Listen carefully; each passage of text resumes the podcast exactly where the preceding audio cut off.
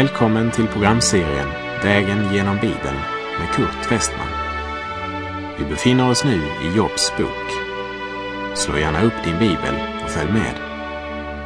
Programmet är producerat av Norea Radio Sverige.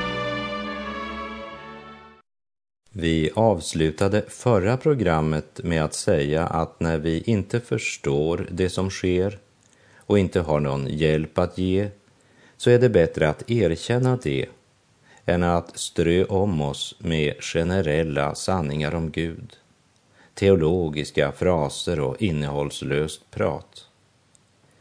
Tänk om Jobs vänner hade haft både insikt och mod att säga vi hör din fråga, men vi har tyvärr inte något svar. Vi vet inte. Men låt oss tillsammans vända oss till Gud Endast han har svaret på lidandets stora och svåra gåta. Men istället för att ödmjuka sig och erkänna sin svaghet och tillsammans med jobb söka Guds svar på det obegripliga så blir de istället en del av problemet. Därför att de levde i en teoretisk värld där de inte var intresserade av att finna svaret, för de menade att de redan hade det. Och i sin religiösa iver börjar de att försvara Gud och bedrar sig själva genom att bygga vidare på sina fasader. Och de angriper jobb med generella sanningar. Ingen av de tre tröstarna hade något svar på Jobs svåra fråga. De hade inte ens uppfattat frågan, men strävade febrilt med att svara på frågor som ingen hade ställt. Och den siste som talat, Sofar, hade ju lovat Jobb en mycket lysande framtid, bara han lyssnade på honom och gjorde som Sofar menade. Det blir mer än nog för den hårt prövade Jobb. Och när Jobb nu tar till orda märker vi ett kraftigt stänk av ironi och den är både färgstark och träffande. Vi läser Jobb kapitel 12, vers 1 och 2. Därefter tog Jobb till orda och sade, ja, visst är ni det rätta folket, och med er kommer visheten att dö ut. Väl är Jobb en hårt drabbad man och visst är han dödssjuk. Men det betyder inte att man kan säga vad som helst till honom. För Jobb visste i både hjärta och samvete att hans tre vänner i sin så kallade vishet har farit vilse. Han vet att de har fel. Och nu serverar han denna ironiska kommentar. Med er kommer visheten att dö ut. När dessa tre vänner kom till jobb så var han en man som mött prövning på prövning tills han sa för sig själv, ja, nu kan det ju stort sett inte bli värre. Alla mina barn är döda Hustrun har i förakt vänt mig ryggen. Jag har förlorat allt. Och han protesterade inte och sa, du är orättfärdig Gud. Men han förstod inte vad som skedde och gick med sina frågor till Gud och ropade ut sitt varför. Jobb kunde inte förstå det som skett. Jag får ingen rast, ingen ro, ingen vila Ångest kommer över mig, sa han. Han hade inte bara förlorat egendom, hus, hem och barn, men han hade också förlorat Gud, tyckte han. För Gud ville ju inte ens svara på hans rop. Det är fruktansvärt när Gud blir borta för oss i anfäktelsens djup djupa mörker. Och vännerna som kom på besök hade ju inte precis introducerat Gud på scenen, utan bara kastat ut en massa generella sanningar om Gud. Men de talade inte om nådens och barmhärtighetens Gud, utan om lagens Gud. Och även om Gud också är lagens Gud, så är han också nådens och barmhärtighetens Gud. Elifas, Bildad och Sofar, de presenterade erfarenheten, traditionen och lagen men de kom inte med sanningen. Fast de sa otroligt mycket som var sant om Gud så var det de sa inte Guds sanning. Även om det var det de själva hävdade. Och det förakt som Jobb så tydligt kunde spåra i vännernas tal sårade honom djupt och bedrövade honom mycket. Men det får honom också att mista respekten för dem. För Jobb har ju för länge sedan insett att dessa tre män har inte det minsta ljus över vad som föregår. Det hade inte Jobb heller. Men han hade i alla fall förstått så pass mycket att han hade vett att fråga varför. Men dessa tre självgoda agitatorer hade inte förstått någonting. Jag tycker mig se glimten i ögat när Job säger till dessa tre, ni är det rätta folket. Med er kommer visdomen att dö ut. Och vi läser i Jobs bok kapitel 12 och vers 3. Dock Även jag har förstånd så gott som ni. Inte står jag tillbaka för er. Ty vem är den som ej begriper sådant? Vad är det Job säger? Jo, ni har talat om den helige, den suveräne som gör stora och outrannsakliga ting, under fler än någon kan räkna och så vidare och så vidare. Vem är den som inte begriper sånt? Det är inget nytt. Allt det där, det kunde jag ha sagt själv. Men för mig är det mer än inlärda teorier. För det var en tid då jag fick svar så snart jag ropade till Gud. Jag vandrade med Gud i förtrolighet. Men plötsligt släcktes ljuset. Och det är inte bara det att Gud blivit borta, men inte ens ni, mina tidigare vänner, vill lyssna till mig. För jag har blivit till åtlöje också för er. Och vi läser vers 4 och 5. Så måste jag då vara ett åtlöje för min vän, jag som fick svar så snart jag ropade till Gud. Man ler åt den som är rättfärdig och oförvitlig. Ja, med förakt ses olyckan av den som står säker. Förakt väntar dem vilkas fötter vacklar. Jobb säger, ni befinner er i en mycket behaglig situation och kan strö om er med kloka ord och råd. Men jag jag sjunker allt djupare i min nöd och ni har inte ett enda ord till tröst eller hjälp för mig. Och i resten av kapitlet så låter Jobb vännerna veta att deras visdom är inte alls imponerande. Och de är inte de enda som känner Gud. Även Job är väl känd med Guds makt och suveränitet. Vi kan förnimma den bittra undertonen och vi märker ironin i hans ord. Hans vänner har helt...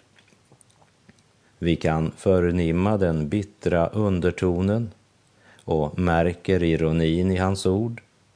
Hans vänner har helt enkelt ingenting att erbjuda annat än ett teoretiskt uppramsande om Guds storhet. Därför längtar Jobb efter att få vända sitt rop direkt till Gud, så som han tidigare hade gjort innan Gud blev borta. Nu hade han bara ett enda stort varför. Varför? Och är det väl inte en underlig strid jag strider som kristen i stormarnas tid? Ofta så går det rätt underligt till, ja, ofta det händer det jag inte vill. När känslan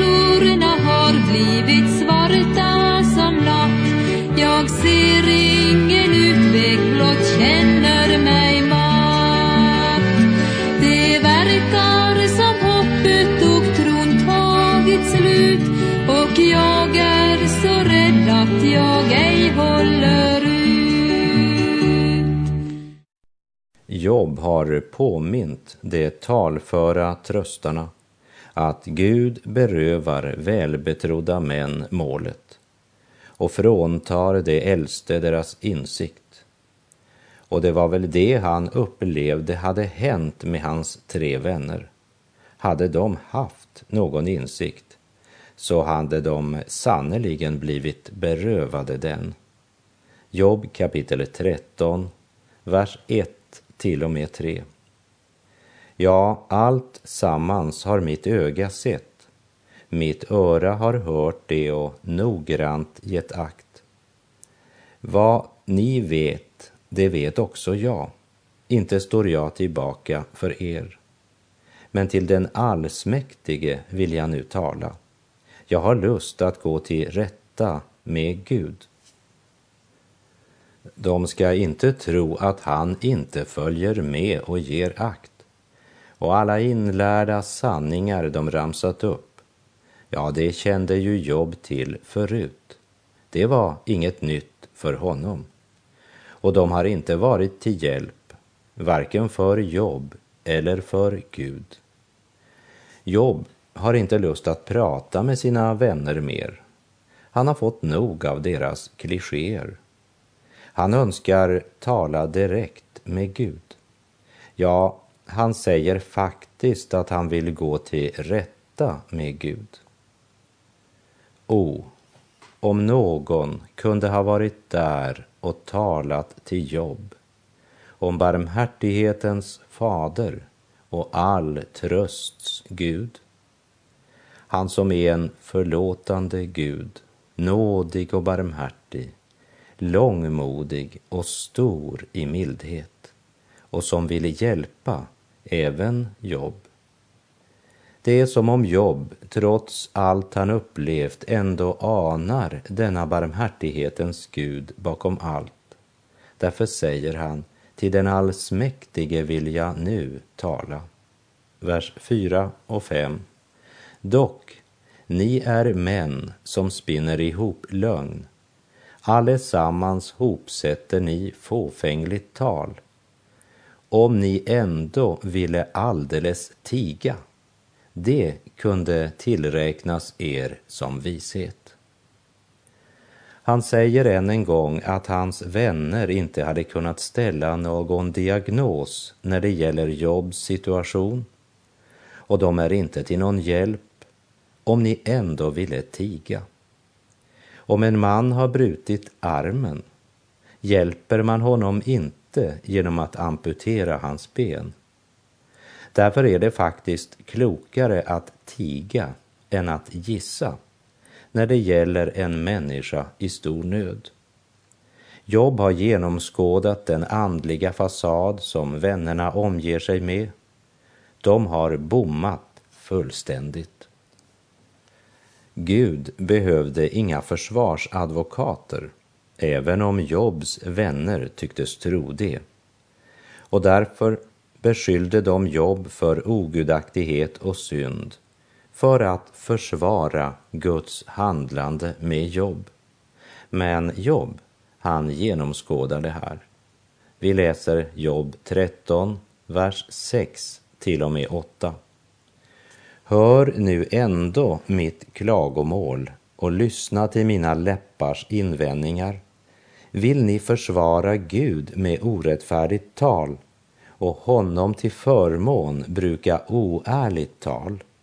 Ska ni visa er partiska för honom eller göra er till sakförare för Gud?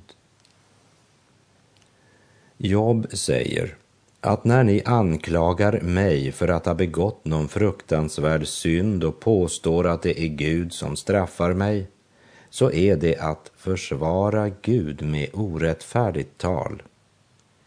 Ni för inte Guds talan, men er egen. Ni försöker desperat att försvara er egen religion. Alltså kan det inte vara min Gud ni talar om, för han behöver inget försvar.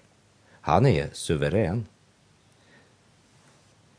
Glöm inte att den Gud som ni pratar om med så stora ord ska en dag döma er. Eller tror ni att ni kan lura Gud? Känner ni honom verkligen så dåligt? Vi läser vers 10 till och med 12. Nej, förvisso ska han straffa er om ni visar en hemlig partiskhet.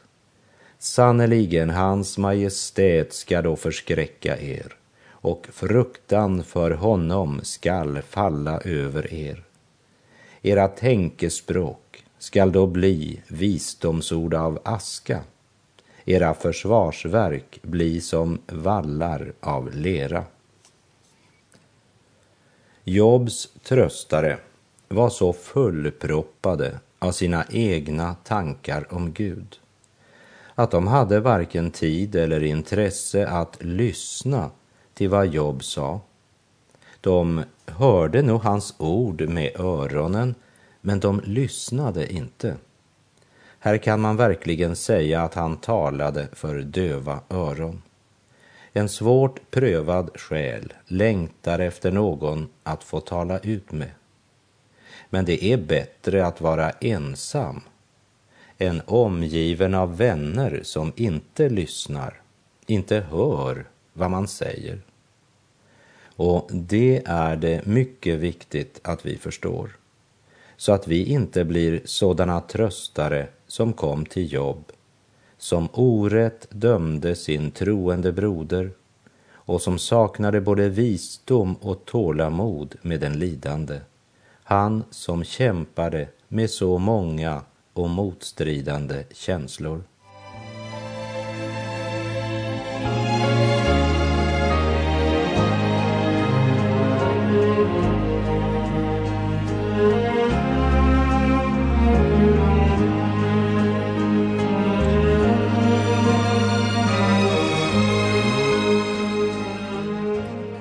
När vi nu kommer till Jobs bok 13, vers 15, så vill jag läsa den versen ifrån Norsk bibels översättning, där Job säger Även om han slår mig vill jag lita på honom. Jag vill visa honom att min färd är rätt. I den engelska King James översättning står det Även om han dödar mig vill jag ändå lita på honom. Dessa ord i Job 13, vers 15, det är Jobs trosbekännelse. Vi kan säga att trots allt som hänt, trots vännernas felaktiga anklagan och trots Jobs egen ofullkomlighet möter vi en glimt av tro mitt i hans mörker och nöd. Det är mot vännernas falska anklagan han försvarar sig. Vi läser vers 17 till och med 19. Hör då mina ord och låt min förklaring tränga in i era öron. Se, här lägger jag fram saken. Jag vet att jag skall befinnas ha rätt. Eller finns det någon som kan motbevisa mig? Ja, då vill jag tiga och dö. Jobb har behov av att tala ut om det problem som tynger honom. Han måste få svar på sin stora, obegripliga fråga. När vännerna inte kunde hjälpa den olycksdrabbade och sjuke så anklagade man honom och säger att de vet att Jobb har förtjänat allt sammans, ja, ännu mer. De förstod intet av Jobs situation. Därför vill Job lägga sin sak fram inför Gud. Job anar att även om han inte är skyldig till de synder som hans vänner beskyller honom för, så må ändå inte Guds heliga hand komma en ofullkomlig människa för nära. Jobb har inte helt förlorat perspektivet. Vi läser Jobb 13, 21. Din hand må du ej låta komma mig nära och fruktan för dig må inte förskräcka mig. Jag tror inte att det är rätt att säga att Job är självsäker och önskar ställa Gud till svars. Utan det är ett desperat rop om att återfå kontakt, få ett svar från den Gud om vilken Job sa i vers 4 kapitel 12 jag som fick svar så snart jag ropade till Gud. Vi fortsätter och läser Jobb 13, verserna 22 till och med 24. Sedan må du anklaga och jag vill svara. Eller också skall jag tala och du må motsäga mig. Hur är det alltså med mina missgärningar och synder? Låt mig få veta min överträdelse och synd. Varför döljer du ditt ansikte och betraktar mig som din fiende? Jobs vänner, de förstår ingenting av detta nödrop. För de har aldrig levt i det förhållandet till Gud att de fick svar så snart de ropade. De har ingen erfarenhet av livet med Gud. De har bara lärt om Gud. Job inbillar sig inte att han är syndfri, men han har ju gjort upp med Gud och levt och vandrat i ljuset. Och han vet att utan offren till Gud, som är ett rop om nåd, så är han bara ett löv som drivs för vinden. Vi läser Jobb 13, vers 25 och 26. Vill du skrämma ett löv som drivs av vinden? Vill du förfölja ett förtorkat strå? Du skriver ju bedrövelser på min lott och ger mig till arvedel min ungdoms missgärningar. Hör mitt rop, säger han. Är det gamla redan uppgjorda synder du nu straffar mig för. Job ber egentligen bara att Gud ska ge honom ljus över det fruktansvärda som skett i hans liv. Job 14, vers 1. Människan, av kvinna född, lever en liten tid och mättas av oro. Ja, det är så sant som det är sagt. Människan lever en liten tid och mättas av oro. Jobs gudstro var inte någon verklighetsflykt. Han flyr inte in i drömmar, varken framtid eller förflutet. Han talar utifrån den situation där han befinner sig just nu. Och ingen människa är helt utan bekymmer. Det kan vara bekymmer för sig själv eller sina närmaste, materiella svårigheter, olyckor, sjukdom, sorg och eftersom tiden går också ålderdomssvaghet. Hör på Jobs förtvivlade rop. Människan av kvinna född, lever en liten tid och mättas av oro. Det är som om Job anar att endast Gud kan förstå en människa som är svårt prövad. Och endast den som förstår människan kan hjälpa henne att förstå sig själv och sin situation. Om du inte ger mig något svar på mina varför, vill du då låta mig veta om min olycka är tidsbegränsad eller om du är borta från mitt liv för alltid? Vi läser Jobb 14, verserna 13 till och med 16. Ack, att du ville gömma mig i dödsriket, gömma mig till dess din vrede hade upphört. Staka ut för mig en tidsgräns och sedan tänka på mig, fastän ju ingen kan få liv när han en gång är död. Då skulle jag hålla min stridstid ut, ända till dess att min avlösning kom. Du skulle då ropa på mig och jag skulle svara dig. Efter dina händers verk skulle du längta. Ja, du skulle då räkna mina steg. Du skulle ej tänka på min synd. Gud, han står den stolte emot. Men Gud berövar aldrig en människa självkänslan.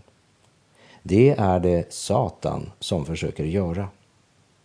Satan är inte bara Guds, men också människans fiende. Jobb säger, när ska din vrede upphöra, Gud? Göm mig till dess din vrede upphört, och när din vrede upphört, då längtar du efter dina händers verk. Job ber egentligen att Gud ska uppenbara vad han har tänkt. Jobs vänner hade klassat honom som värdelös. Man kunde ju inte höra på en man som blivit så hårt slagen av Gud. För han måste ju vara en fruktansvärd syndare som måste möta så mycket. Och Job, han har påverkats av vännernas teologi.